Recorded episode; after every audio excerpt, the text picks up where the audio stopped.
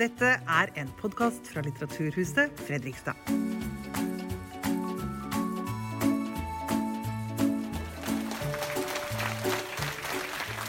Hjertelig velkommen til eh, Litteraturhuset Fredrikstad. Eh, Jeg heter Anne Fjellro og er programansvarlig her på huset. Jeg vet ikke hvordan det er med dere. Men det siste året så har jeg blitt helt hodestups dødsforelska i Karpe. Det er ganske nøyaktig ett år siden første gang jeg hørte Magdi. Sa jeg det riktig? Ja. Og Chirag lovte pappa å synge som Jacques Brel. Antagelig er det den samme pappaen som er syk, han som ljuger til lege og ikke går på treningssenter, mens mor får epilepi på øya. Og siden har albumet Omar Sharif gått på repeat gjennom hele dette året. Dattera mi på 15 og vennene hennes hadde allerede hørt på Karpe i flere år. Og nå var også jeg helt frelst. Det albumet fanga flere generasjoner. Det er det mest strømmede norske albumet noensinne. Nå er det ingen, ingen igjen som ikke elsker Karpe. I august så satte de norgesrekord i Oslo Spektrum og fylte huset ti ganger med 110 000 barn, ungdom og voksne mennesker. Rett i sletti. Dette året har journalist og forfatter Johan Sham, eh, Shan Mugaratnam fått fri tilgang til Chirac, Magdi og hele Karpe-maskineriet. Det begynte med at han skrev kronikken som heter 'Karpe setter melodi til migrantens melankoli'.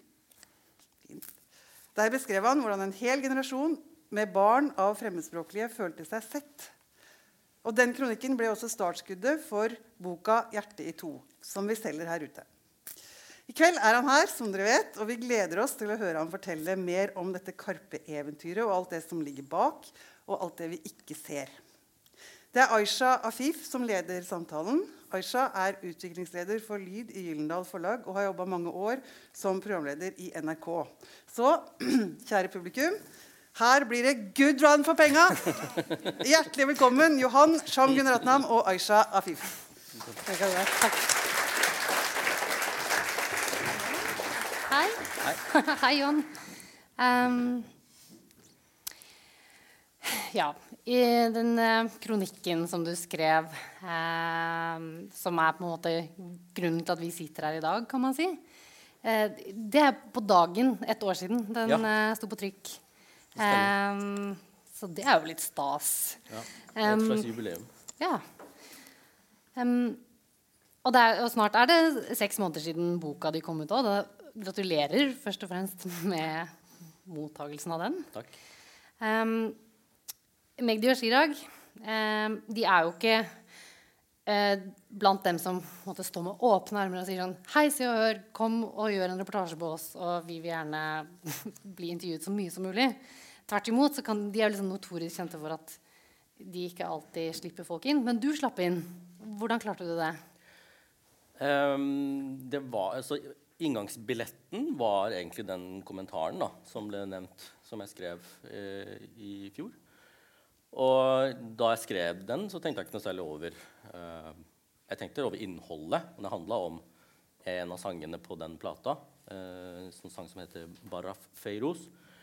Og særlig det verset som Magdi eh, synger på slutten, hvor han stiller masse spørsmål da, til det som da er faren hans. Det står ikke eksplisitt i teksten, men det er det det er. Eh, om helsa hans og, og sånt. Og under, under de, mellom de linjene så ligger da den sånn desperate vet ikke, fortvilelsen over å, å se sine egne foreldre bli eh, gamle.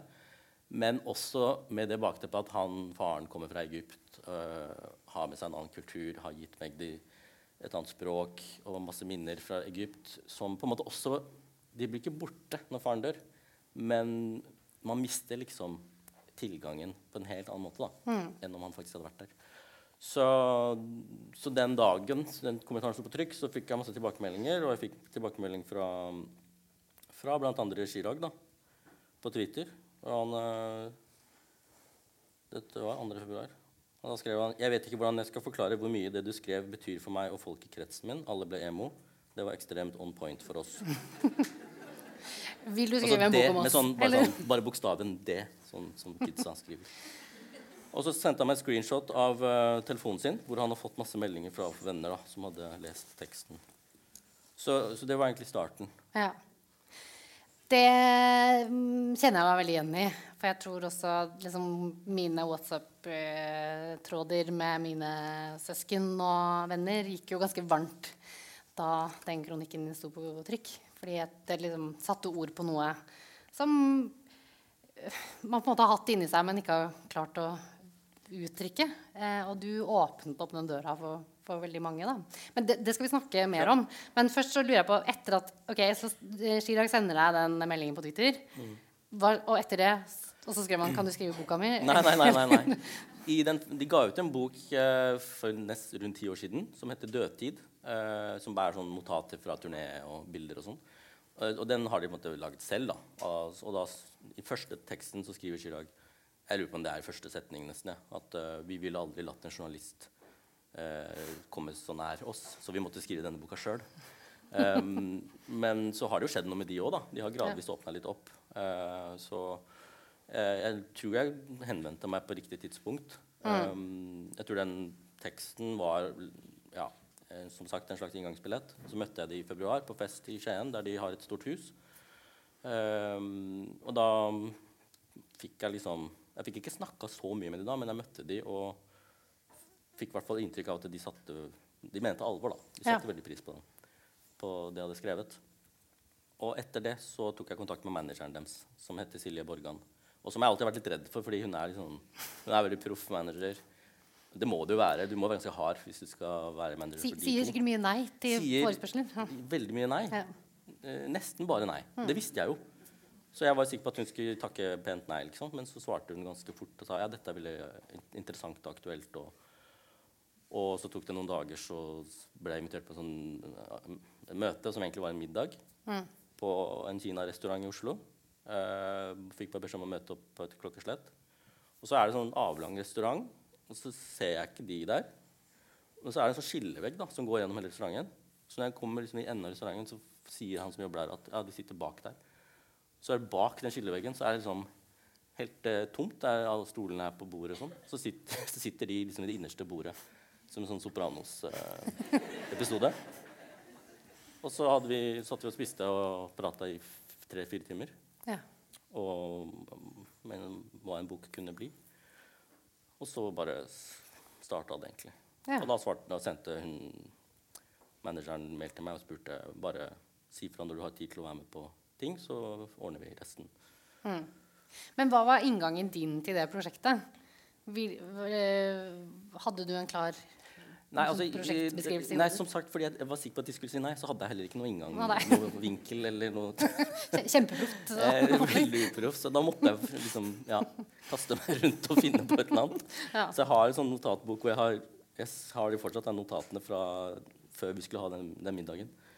Og da um, har jeg liksom Det er lagd en sånn rar tegning hvor det står sånn eh, Et punkt her hvor det står eh, eh, korona, tror jeg.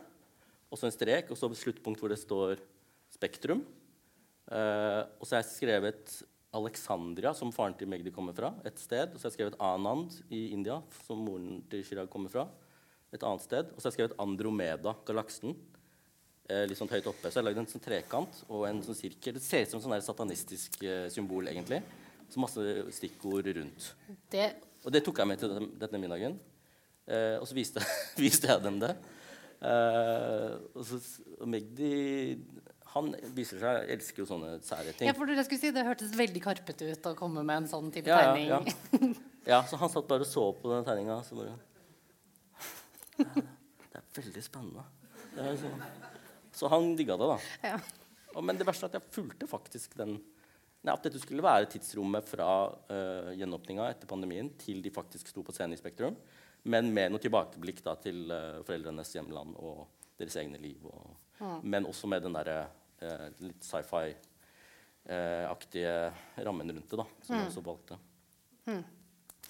Men eh, hva, liksom hadde, hvor mye påvirket de på hva boka skulle bli, og hvor mye kunne du jobbe helt sånn selvstendig som en uavhengig journalist og forfatter? Nei, det, problemet var jo at de ikke sa noen ting om hva de var ute etter eller ville ha. Fordi da hadde jeg kanskje hatt en sånn slags følelse av hva Ok, da må jeg prøve å gjøre sånn og sånn, og sånn. Men de sa bare liksom nå, Bare gjør din greie. Nå har du, kan du være med på absolutt alt. Eh, og så gleder vi oss til boka, liksom. Eh, så jeg gjorde det. Jeg måtte bare følge liksom min egen intuisjon, da. Eh, hva er det jeg lurer på selv? Fordelen med å ikke ha kjent dem før dette, er jo at jeg selv også er liksom nysgjerrig på hvem de er, eh, på en måte som fansen også er. Tror jeg, da. Eh, så kjenner jeg meg igjen i begge to, på en måte. Fordi Chirag er jo da Begge foreldrene hans er fra India. Faren min er fra Sri Lanka. Så det er liksom en geografisk nærhet der. Eh, og Magdi er jo halvt egyptisk og halvt norsk. Og jeg er halvt japansk og halvt eh, srilankisk. Så jeg kjenner meg inn i det der å være halvt halvt. Men verken jeg eller Chirag har jo en norsk forelder, så det gjør jo på en måte han litt annerledes. Så ja, jeg, kjenner meg igjen i mye av det, der, det de beskriver med å være mellom kulturer og mellom ting og sånt. Men selv da jeg møtte de, så havna jeg på en måte mellom de to, Ja. som er i utgangspunktet mellom andre ting, da. Ja. Skjønte dere det? Men um, ok, Så det er liksom mandag etter det møtet på den kinarestauranten og tegningen tegning og sånn. Nå skal du begynne å jobbe. Hvor, hvor begynte du da? Eh, nei, jeg begynte med å prøve å jo- jo- gjøre avtaler med de og finne ut hva jeg kan være med på av, eh, av ting. Så jeg, eh, det første som dukka opp, var et møte, planleggingsmøte på kontoret til managementet. Hvor de skulle snakke om Spektrum og scenerigge og, sånt. Så jeg, da satt jeg bare var med på hele møtet med Magdi Chirag, eh, Silje og en som heter Sebastian, som er produksjonsansvarlig. Um, og som har, han, han får alle oppgavene. Han må løse alt. Han må skaffe alle mulige ting og, og sånt. Eh, Han må skaffe den store plastikkhaien og sånn. Det- ja, men det var det møtet der Magdi eh, endte opp med å få Sebastian til å bestille ti meter lange oppblåsbare haier som han skulle ri på i Spektrum. Det, var, det var det møtet, blant annet, hvor de snakka om det. Men de snakka også om hvordan de skulle komme inn på scenen, og, og de snakka om eh, de skulle komme ridende inn på esler. Og så var det sånn Nei, det funker ikke. Så var det sånn, «Nei, skal vi bli heist ned fra taket på esler? Eh, så, så, Ja, så ble det sier jeg. sånn, Det ble det synes sånn Nei, så så, nei, nei, det går ikke, for dyr har rettigheter. Så man kan spise dem, men de har rettigheter. Så. Han er vegetarianer. Ja. Det er for det går uhyre mye tid og øh, tanker og planlegging inn Ja. i de, der, de kunstneriske valgene der, da. ja, ekstremt detaljorientert. Altså, Hva er særlig- grunnen til det? Nei, men jeg tror uh, De bruker jo all energi på dette her, og penger og sånt. Så det er jo dette de lever av og for. Så den detaljnivået i planlegginga er helt ekstrem. Og hvor mye de er involvert i den planlegginga. Det, det ble jeg overraska over. da. At det, jeg ser for meg at sånne artister delegerer ganske mye. Men på det kunstneriske så er det helt sånn Og så henter de inn samarbeidspartnere. Det er ikke sånn at de holder på bare for seg selv, men de, men de henter inn folk som de eh, liker, da, eller som syns er flinke, og som bidrar til sangene deres og show. Så det er et kjempepuslespill som de satte sammen, som ble Spektrum-showet. Fikk du noe inntrykk av hvordan det er for det teamet rundt å forholde seg til ja, de Ja, ja. ja? Nei, altså han Sebastian, da, han eh, Basse som de kaller han, han, eh, ja, han bestilte den haien, men han skulle også lage designe den scenen. En glasskube som de skulle være under, som skulle heises opp. Så skulle alle stå der, og de skulle ha med masse dansere og artist, andre musikere. og det var ikke grenser, ikke sant? Og det skulle være sand på scenen, og da er det han som må bestille den sanda. Sant? Og- Hvor bestiller man sånn? ja, det, sånn? nei, det vet jeg ikke. Han måtte google liksom sand. eh, Og så, så sier han sånn Ja, jeg har, jeg har gjort litt, gjort litt research på sand, og det er, det, er, det er ikke all sand man bestiller som er eh, noe, av det, noe av det kan være giftig, og, og mange sånne hensyn som uh, man må gjøre, ta. Da. Det, ja, det er jobben hans. Hadde vært leit å forgifte Spektrum ti ganger Ja, på rad ja. med sand. Så han og andre folk i teamet rundt dem er også med i boka fordi, bare for å vise at det er jo ikke bare de to i det hele tatt. Det er jo et svært uh, det, er, det er en liten kjerne, men så er det jo da masse folk som er involvert. Jeg var på sånn julebord med det Spektrum-crewet i det huset i Skien. Det var 130 stykker. Da var det alt fra sceneteknikere til de som lagde kostyme, til de som lagde mat, til musikere og dansere og ja, hele pakka. Så de er en stor familie, på en måte? da? At, eh, Ja, jeg tror det. Tidenes- Ja, familie. Når du først har blitt involvert, så er det liksom vanskelig å slippe ut. Det er sånn som mafiaen. Du, du blir Ja. Kjenner du litt på det selv òg, etter å Eh, Litt, ja. Jeg faktisk Det er ikke den verste mafiaen å være med i. da. Nei. Men hvordan eh, eh, opplevde du eh, at de oppførte seg rundt deg? Var, var det liksom et, noe forsøk på å holde en fasade, eller å på en måte Nei, for nå har jeg observert i, i ganske mange ulike settinger. Eh, på scenen så er det jo artistene, ikke sant. Der er det jo nødvendigvis en fasade i den forstand at det er et show. Og i det tilfellet så var det et show som skulle gjennomføres ti ganger på samme sted. Så jeg var jo på de fleste av de konsertene, og jeg, der er det liksom Ja, det er, de er jo popstjerner, liksom.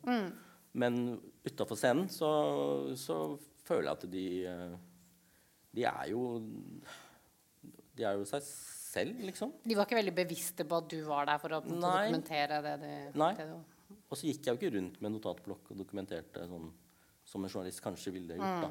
Jeg var jo bare til stede veldig ofte og eh, havna i sånne situasjoner hvor jeg var litt usikker på F.eks. når Chirag går bort. Dette var på Fornebu en sånn svær hangar hvor de hadde noen eh, prøver. Eh, og setter de seg i kantina liksom, på sånne pinnestoler og, for å diskutere åpninga på, i Spektrum. da. Og de er ikke enige da, hvordan de skal åpne. Uh, og da var det bare jeg som sto der og hørte på hele samtalen. Så det, det å bare være der uh, så mye at de glemmer at du er der, tror jeg, eller at de glemmer at du er den du er, da. Ja, for tror, du, tror du det er ting i boka de helst skulle ønske at ikke var med? Hva sier du? Om det er ting i boka mi som ja, de ikke, ja, ja, var- Det var en ting jeg var sikker på at de ville spørre om de kunne ta ut. Hva da? Eh, det er når de snakker om at det, de gjør jo sånne private oppdrag. Sånne konserter på firmafester og sånn. Ikke sant?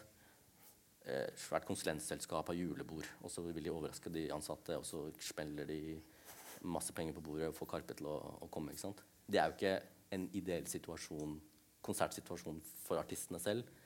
Men de gjør det fordi da får de de pengene til å bl.a. betale lønn til hele maskineriet, men også realisere andre ting som de kanskje brenner litt mer for. da. Så de gjør jo sånne ting. Det er jo ikke noe de fronter veldig utad. Eh, og de er litt uenige om hvor mye de skal gjøre av det. Chirag syns det er dritkleint. Eh, han går og kjenner på det. Liksom, og, liksom, folk som kommer bort til ham, sier sånn Ja, jeg digger jo Karpe, men jeg vil jo ikke jeg går jo på denne jobben for å tjene penger og eh, betale regninger, liksom. Jeg vil ikke ha med sjefen på konsert, på en måte. så han tenker veldig mye på de tingene der. Mens begge de er sånn Nei, det er sunt å møte nye folk og annerledes publikum. og Ja. Uh, ja. Det er, eh, de er veldig ulike der, da. ja. Men, men det, da var jeg sikker på at de ville synes at det var litt dumt å ha med. Men, men så så skjønte jeg med han Sebastian sa at ja, det var en diskusjon. uh, men Magdi hadde sagt at det, det er jo veldig underholdende skrevet. Altså, ja. det må jo være med, liksom. Så du fikk liksom full kunstnerisk Ja. frihet i De leste på slutten, midt oppi Spektrum-kaoset, og hadde noen veldig små sånne der faktating som de ville rette Ja. opp i. Da.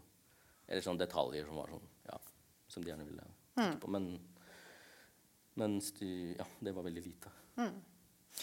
Em, og når man tenker på Karpe, så er det jo to veldig sånn tydelige karakterer man ser liksom for seg. Chirag og Magdi. Og jeg lurer på, liksom, etter å ha tilbrakt så mye tid sammen med dem, om du kan, kan du gi oss en beskrivelse av hvem de er? Og hvordan er de forskjellige? Um, Chirag er jo veldig mye mer sånn Jeg veit ikke. Jeg, jeg kjenner meg ganske mye igjen i hans uh, liksom, måte å se verden på. Eller han er, han er veldig pessimistisk, da. Han tror alt skal gå dårlig og er litt sånn Ja. Eh, mens Magdi er ekstremt optimistisk. Tror alt skal funke hele tiden. At alt blir helt mega. Uh, sånn, det er nesten sånn tvangstankenivå på optimismen hans. Men det er jo det som har gjort at det faktisk funker, da, den balansen mellom realismen til Chirag og, og liksom de fullstendig urealistiske planene til Magdi. Uh, et sted i midten der sånn, så blir da resultatet det, det som blir det showet. Ehm, de, jo, de lever veldig forskjellige liv. Da. Magdi har fire barn og bor i Nittedal, liksom. Uh, mens Chirag bor i Akkurat nå bor han på hotell, tror jeg. Men altså, han, le, han har ikke barn uh, og lever på en måte De er på forskjellige steder i livet. De er like gamle. Ja. Samtidig som uh, Selv om de er personlighetsmessig er veldig forskjellige, så har de jo noe til felles. Ganske mye, egentlig. da. Det er egentlig det som var planen med boka mi. var å prøve å finne hva er det som er, gjør at de faktisk holder på fortsatt. Som Ja. gjør at de er sammen fortsatt. Eh, fordi det, har jo, det er ikke alltid det har vært kjempebra tror jeg, mellom de to. Og det var perioder hvor eh, sikkert ja, eh, I hvert fall under pandemien og før Omar Sharif kom ut, tror jeg eh, Ikke at de liksom vurderte å legge opp, men at eh, ja, det kan ikke være bra hele tida i et sånt forhold som har vært i 20 år. eller noe. De, men så tror jeg det, det skjedde noe med Omar Sharif. Med den mottakelsen den fikk, og den betydningen hele prosjektet hadde fått for, for eh, sånne som oss og veldig mange flere, da, Mm. gjorde at de fant en ny energi. Og, og nå er det liksom ja, bare gønne på videre. Men du beskriver jo noen av de eh, diskusjonene og uenighetene de har når de jobber kreativt sammen i boka. Kan du fortelle litt mer om hva det handler om?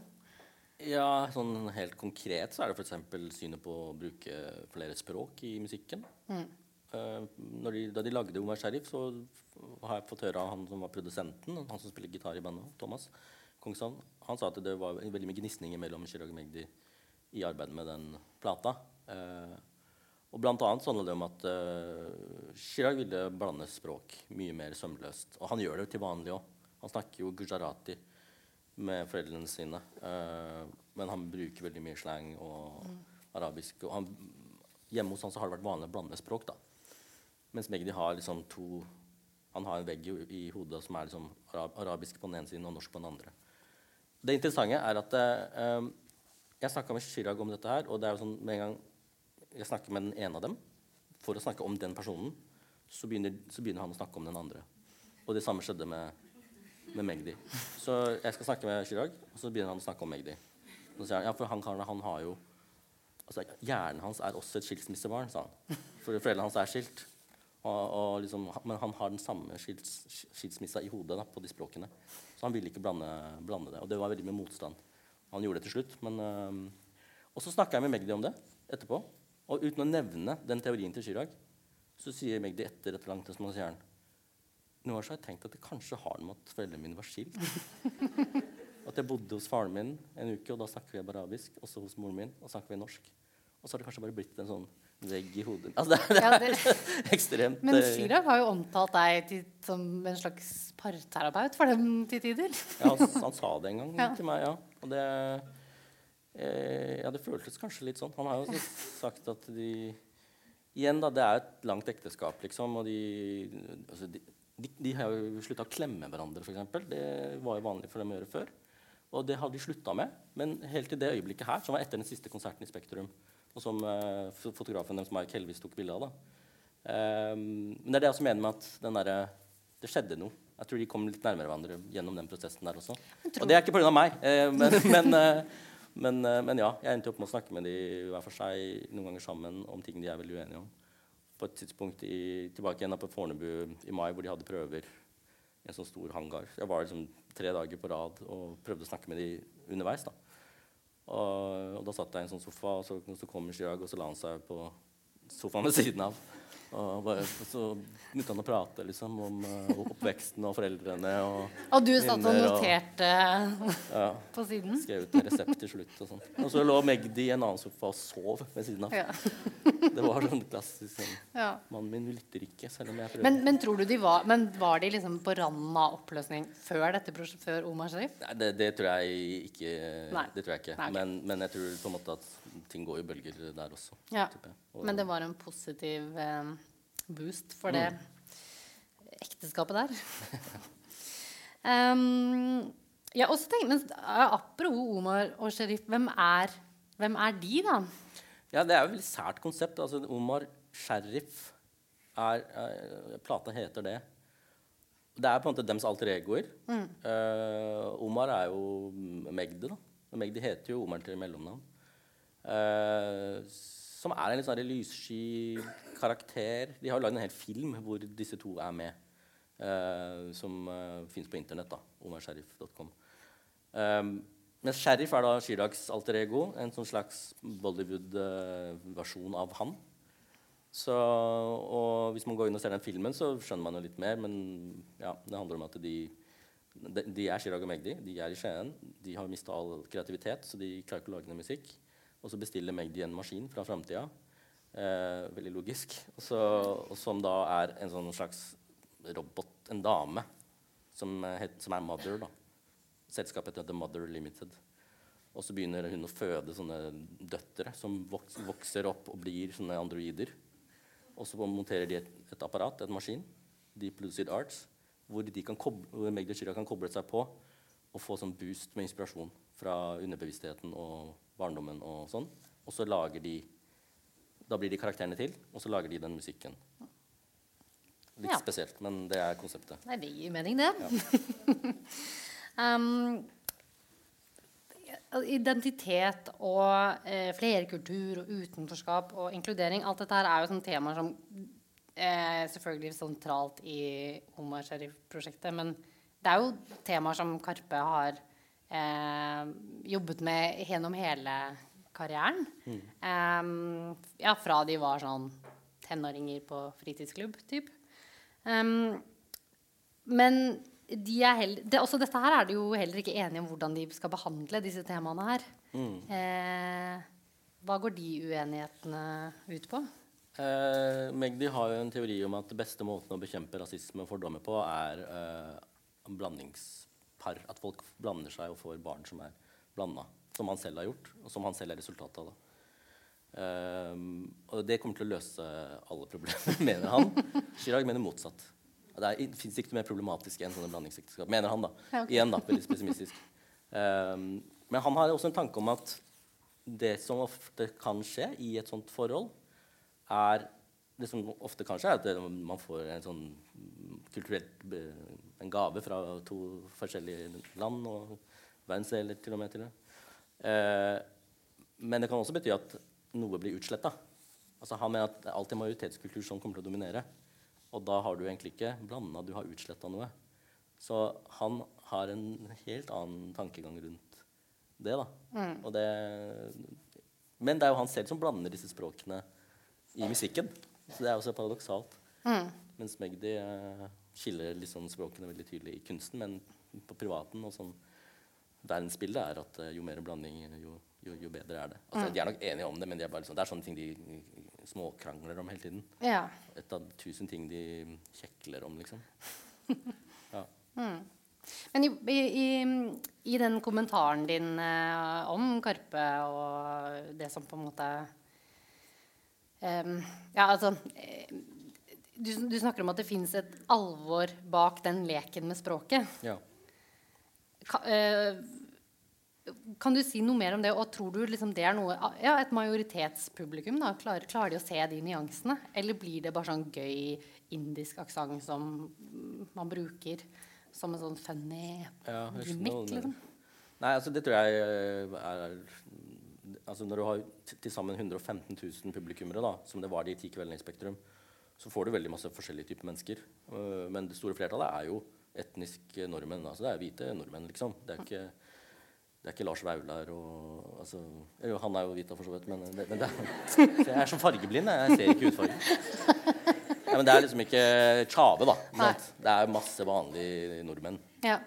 Ehm, og med veldig ulike bakgrunner og sånt. Men eh, jeg vil jo tippe at de fleste av de kommer dit fordi de vil se et bra show. da.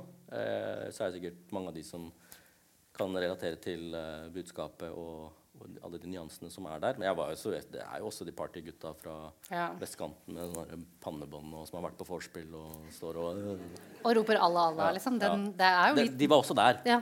Ja. Men det var en bra, bra blanding av mennesker. da. Ja. Nei, jeg, jeg, jeg tror jo at ved å gjøre dette mainstream, da Ved å gjøre den derre aksenten mainstream altså, dere, Noen av dere husker sikkert Dr. Bombay, ikke sant?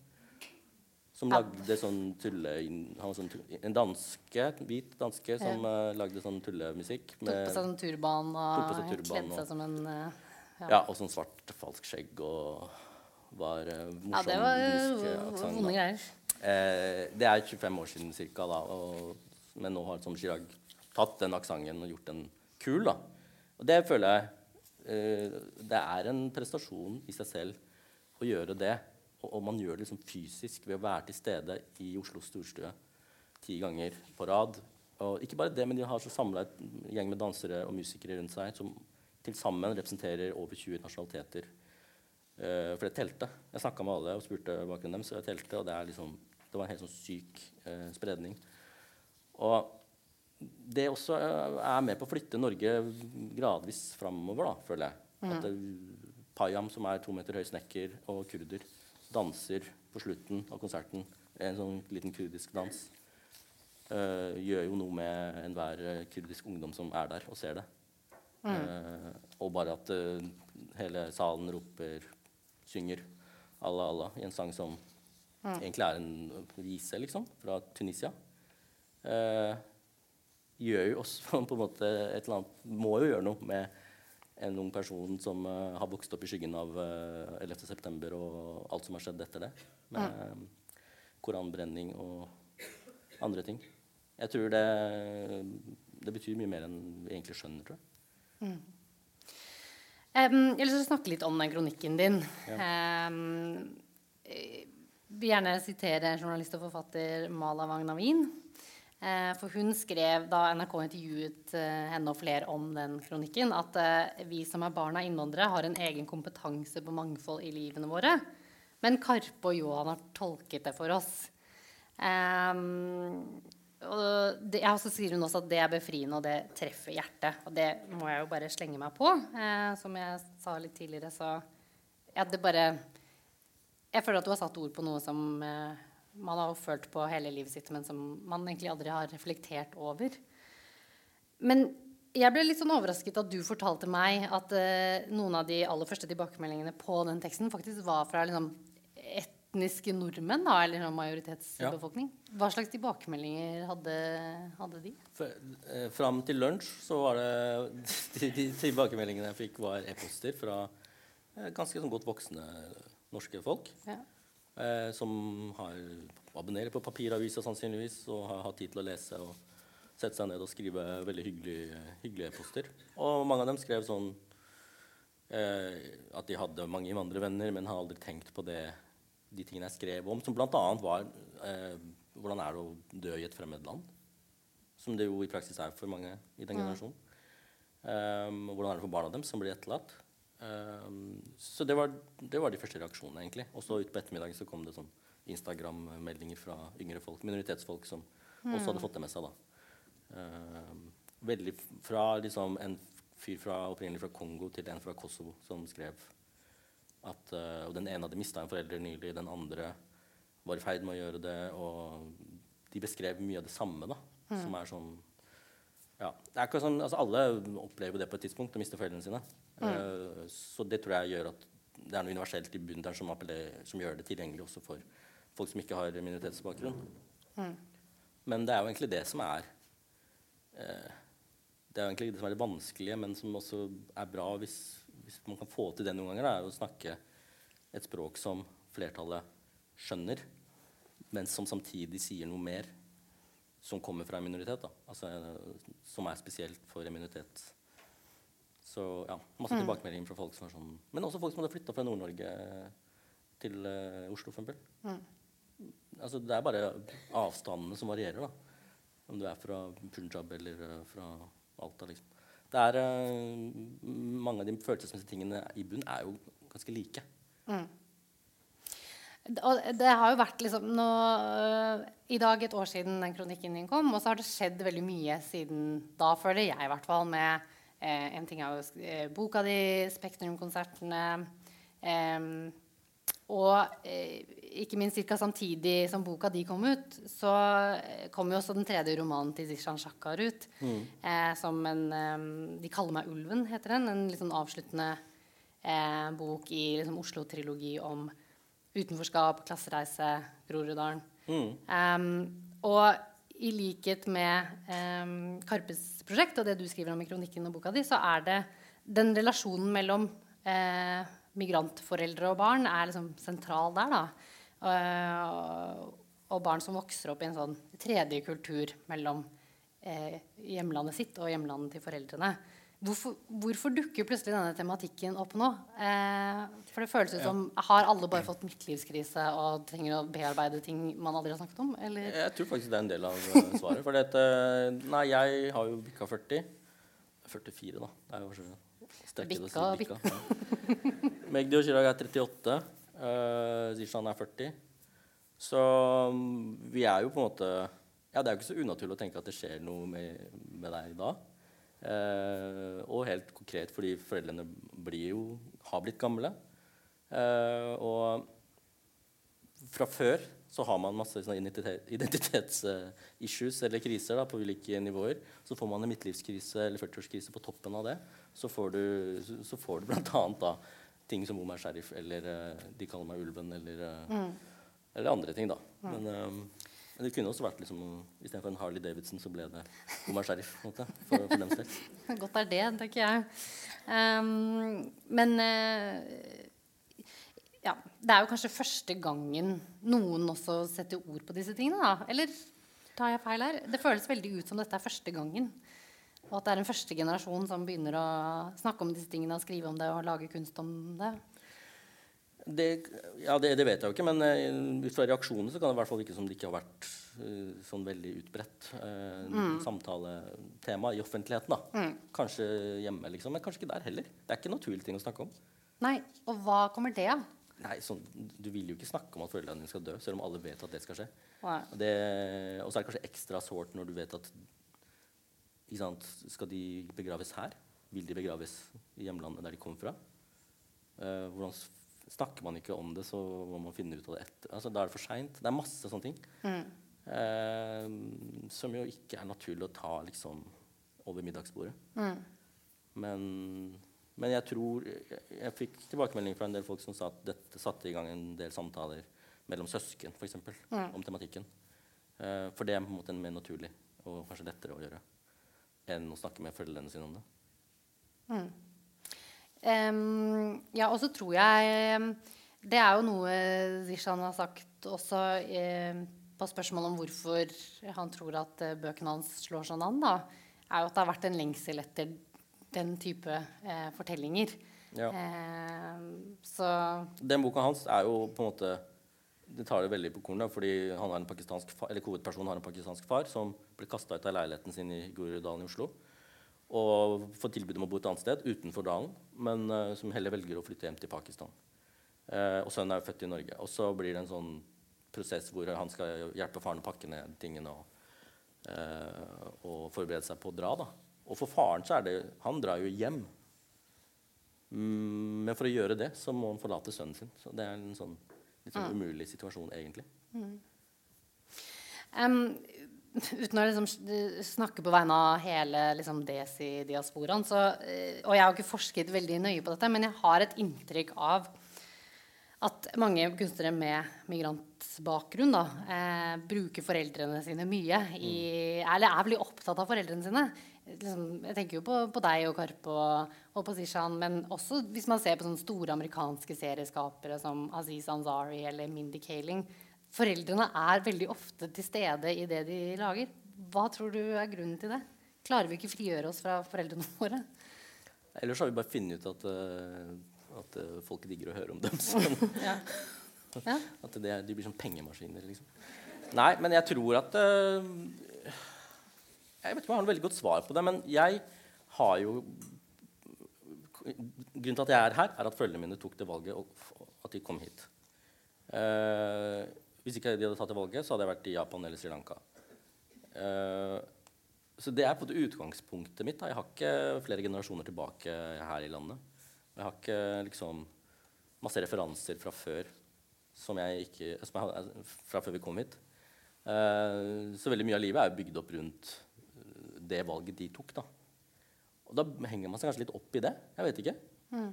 Uh, så tror jeg at jeg i hvert fall er veldig nysgjerrig fortsatt på mine egne foreldre. Uh, selv om de har fortalt masse, så vet jeg at det er masse ting jeg ikke vet om uh, livene deres, bakgrunnen deres. Mm. hvorfor de tok de valgene de tok. Ja, Det er jo interessant også å lese i boka di.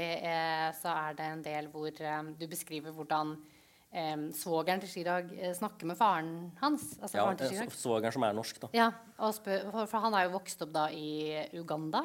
Ja, Faren til Chirag. Ja. Ja. Mm. Og så spør uh, svigersønnen ja, men fortell om det, hvordan var det å vokse opp der. Og da ha, klarer han liksom Han skjønner liksom ikke helt hvorfor han lurer på det, og han klarer ikke helt svare på det spørsmålet. Og nei, det er jo ikke noe å si om det. Nei, Og det er også veldig interessant. jeg kjenner, jeg kjenner igjen det i faren min. Fordi, altså, Ja. Ikke at liksom Han har aldri liksom sagt at ja, det er viktig at dere drar til Sri Lanka og ofte. og Ikke i det hele tatt. Det er, han er veldig opptatt av eh, det landet liksom, han kom fra. Men jeg vet ikke, for han så tror jeg en del av det er sånn at han ikke vil legge bånd på oss. At liksom vi skal Jeg snakker jo ikke tamilsk, jeg snakker japansk. Men han sa aldri at vi måtte lære, lære oss tamilsk. For da hadde vi gått på tamilsk skole på kveldene. liksom. Men, eh, men for han så tror jeg det var sånn at vi skal være mest mulig frie, liksom. Og eh, hadde vokst opp i et ganske liberalt eh, hjem, jeg. Men nå, når jeg er voksen, så tenker jeg at det hadde vært fint om jeg hadde visst mer. Ja. Eh, og de selv skjønner det at fader, vi burde kanskje ha feira de høytidene. Eh, de innser at vi bare ikke vet en dritt, egentlig. da. Og det er jo Chirag og Magdi veldig opptatt Ja, av. Eh, hvordan eh, de viderebringer liksom, kulturarven sin til Ja. barn og ja, Magdi snakker fremtidige jo generasjoner. arabisk til alle barna. De svarer på norsk som regel, men han snakker fortsatt arabisk til dem. Um, så ja, og det føler han, for Hvis han slutter å gjøre det, så føler han da har han mista noe som han fikk av faren. da. Og da har du plutselig Ja, det er, det er et dobbelt tap. Når faren dør, så har han på en måte mista faren, men hvis han slutter å bruke arabisk, så mister han det i tillegg. Og det er liksom eh, Det tror jeg er veldig vanskelig eh, å tenke på for han. Um. jeg har lyst til å Du skal lese litt eh, for oss, Johan. F- litt om eh, faren til Magdi og litt om faren til Chirag. Ja. Um, vi kan jo begynne fordi det er jo ikke sånn at alle migrantforeldre er helt like heller. De kan være ganske forskjellige. Faren til Magdi er jo journalist opprinnelig og skrevet bøker og ja, vært veldig kritisk til eh, både regimet i hjemlandet hans eh, den gangen og, og andre regimer. Um, jeg skal lese fra et kapittel som handler om uh, Magdi og, og faren. I et av rommene i huset i Skien har Magdi gjenskapt et lite stykke Alexandria. Så mye annet startet ideen med å innrede et av rommene som en arabisk kafé, med at dette var noe han selv skulle ønske noen lagde for ham, et sted han kunne tenke seg å besøke som publikummer. Sånn er det ofte. Veldig mange opplevelser som Karpe ender opp med å lage for andre, er egentlig opplevelser de, selv, de har lyst til å gi seg selv. Og når farens bøker er stilt ut i kafeen, er det ikke rekvisitter, men klenodier. Det hender pappaen ringer Magdi for å prate om ting han driver med. Blant annet spiller Mohammed Abdelmagid inn videoinnslag der han snakker om politikk, og som han laster opp på YouTube. En gang ringte han og sa jeg må passe på å holde videoene korte. Jeg tenker maks ti minutter. Da får det mest spredning på sosiale medier. Magdi ble imponert. Han har lenge vært klar over at faren ikke er en tradisjonell arabisk pappa. Faren skjønner også veldig mye av det Karpe driver med, tror Magdi. Det betyr ikke at forventningene som an mange andre innvandrerunger kjenner på om studier og karriere, ikke har vært der. Det er ikke mange år siden faren spurte Magdi om han ikke snart skulle ta mastergraden sin. Magdi svarte, 'Pappa, seriøst? Oppi alt annet?' Mohammed Abdelmajid skjønte det og understreket at han ikke kom til å bli skuffet om sønnen ikke tok den, men han la til, 'Ingen andre kommer til å stille deg det spørsmålet. Noen må spørre. Derfor tok han på seg ansvaret.' Faren har lært Magdi å bruke tida han har i livet, mest mulig effektivt. Alltid ha med deg en bok. Gjerne en notatblokk og penn også. Du vet aldri når du får dødtid.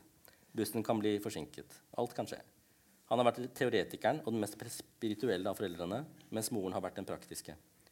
Men det er vanskelig å snakke med foreldrene om tekstene Magdi skriver. Det er ubehagelig når man er så ærlig. Verken moren eller faren har kommentert direkte det han synger om. Derfor vet han egentlig ikke hva de tenker, f.eks. om Baraf Feiroz. Faren kan kjøre litt humor på det. Han kan finne på å si ja, nå slipper jeg iallfall å forklare folk på sykehuset hvilke sykdommer jeg har. Magdi har jo ramset dem opp i verset sitt. Han hadde ikke en samtale med faren om sangen i forkant. Det klarte han ikke.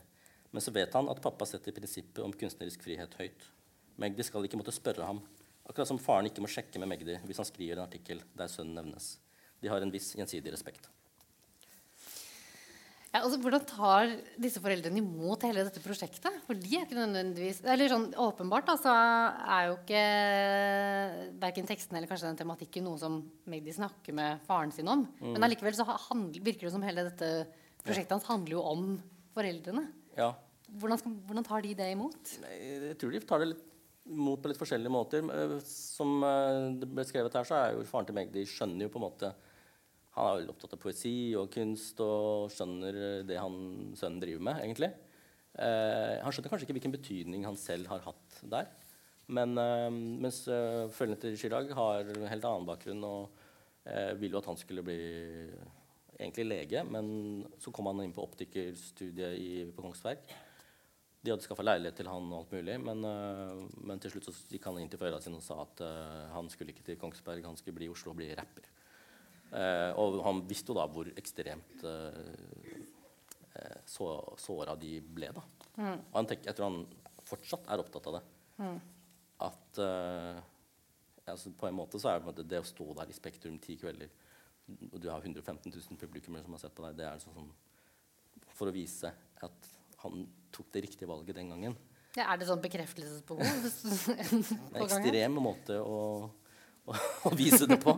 Men, uh, men jeg tror faktisk det sitter litt igjen fortsatt. Ja. Så da han tok det valget, så var det ikke aktuelt for han å liksom, få en konsert på Blå og samle vennene sine, og så skulle foreldra være stolte av det. det, det han visste at nei, nei, nei, det er, liksom, det er ikke suksess. Suksess er Da må du gjøre det stort. Det må være ordentlig. Ti, ti utsolgte kvelder i Spektrum. Ja, Da- men selv der var det også litt sånn Nei, jeg ikke at jeg, de, de er garantert stolte av han, men uten at de sier det. Ehm, men moren hans kom og gjorde en sånn, sånn hindurituale før det første showet. uh, for å velsigne stedet og begivenheten. da. Langt ritual. Vi satt i garderoben, eh, garderoben til Chirag og Magdi i backstage der, og så kom foreldrene og gjorde det. Uh, og så gikk vi opp på scenen, og så gjorde hun det samme der. Og så, når vi har gått ned fra scenen der, så, så står Chirag og moren og noen flere der. Så sier moren uh, du har kommet langt nå. Og, det har jeg tatt med i boka. Eh, men da jeg nevnte det for Chirag, så husker han det ikke. Han bare blokka ut at hun, at hun har sagt det. Han sto der, liksom. Ja, det tror jeg forteller noe om Ja, Hva han forventer, kanskje? Og, Ja. jeg tror det. Men jeg vil også gjerne at du leser litt om faren til Chirag. ehm, og om en litt sånn eh, uvant situasjon som eh, han plutselig fant seg i. Ja, dette her eh, Ja, det stemmer. Skal vi se. For en del år siden skulle Karpe motta en pris på Grand Hotell i Oslo med påfølgende fin middag. Åse Kleveland skulle dele ut prisen. Chirag tok med moren og faren. De fortjente tross alt å få være med på den slags tilstelninger og få hilse på Åse Kleveland, selv om de ikke visste helt hvem hun var. Så de dro dit i pent tøy og satte seg til bords. Men Chirag innså raskt at denne middagen ikke kom til å bli som han så for seg. Moren og faren ble stille. De kunne ikke forholde seg til praten rundt bordet. De ble usikre av alt bestikket. En av de andre som satt der, var en godt voksen nordmann som begynte å samtalen med å referere til en eller annen diktsamling. Er du seriøs nå? tenkte Chirag. Fins det egentlig noe mer multikulturelt handikappa enn en 60 år gammel Vemund som har tatt masse utdannelse og lest Odysseen, men er helt ute av stand til å navigere i et annet miljø enn sitt eget? Men det hender Chirag velger å snu på det. Kanskje Vemund, som han garantert ikke het, bare ikke ville undervurdere foreldrene hans. I så fall er det sikkert godt ment. Dette er hovedproblemet til Chirag sånn generelt i livet. At han hele tida blir usikker på hvordan verden henger sammen, og hva han faktisk mener. Det eneste han er sikker på, er likevel dette. Foreldrene hans hadde det ikke bra på den middagen. Chirag har sett dem i utallige andre settinger der de er i sitt ess, som når de er med vennene hans. Men når moren og faren kommer inn i et sånt rom som de gjorde på Grand, med fremmede mennesker og referanser, skjønner de selv at de ikke forstår kodene. De blir redde for å gjøre feil, og da kan du ikke kose deg. Da har det ikke noe å si at Chirag sitter der sammen med dem og sier vi har klart å komme hit, vi eier dette opplegget her. Disse menneskene er her pga. oss. For det stemmer liksom ikke. I foreldrenes øyne er det ikke vi, men Chirag, sønnen deres, som har oppnådd et eller annet og kommet seg inn i en verden som alltid kommer til å være fjern for dem. Det var siste gang han tok med moren og faren på noe lignende. Han vil aldri putte dem i en sånn situasjon igjen. Da pappa Patel fylte 72 år i februar 2022, og Chirag spurte hvor han ville spise, hvor som helst, fatter'n, du er langt ute i livet ditt nå, svarte faren Peppes pizza. Selvfølgelig. Hvis anledningen er spesiell nok, er det Peppes som gjelder. På en helt vanlig dag ville han foreslått pizzabaronen. Pappa fikk oppfylt ønsket sitt. Og med det tror jeg vi skal eh, avslutte. Takk for praten, Johan. Takk.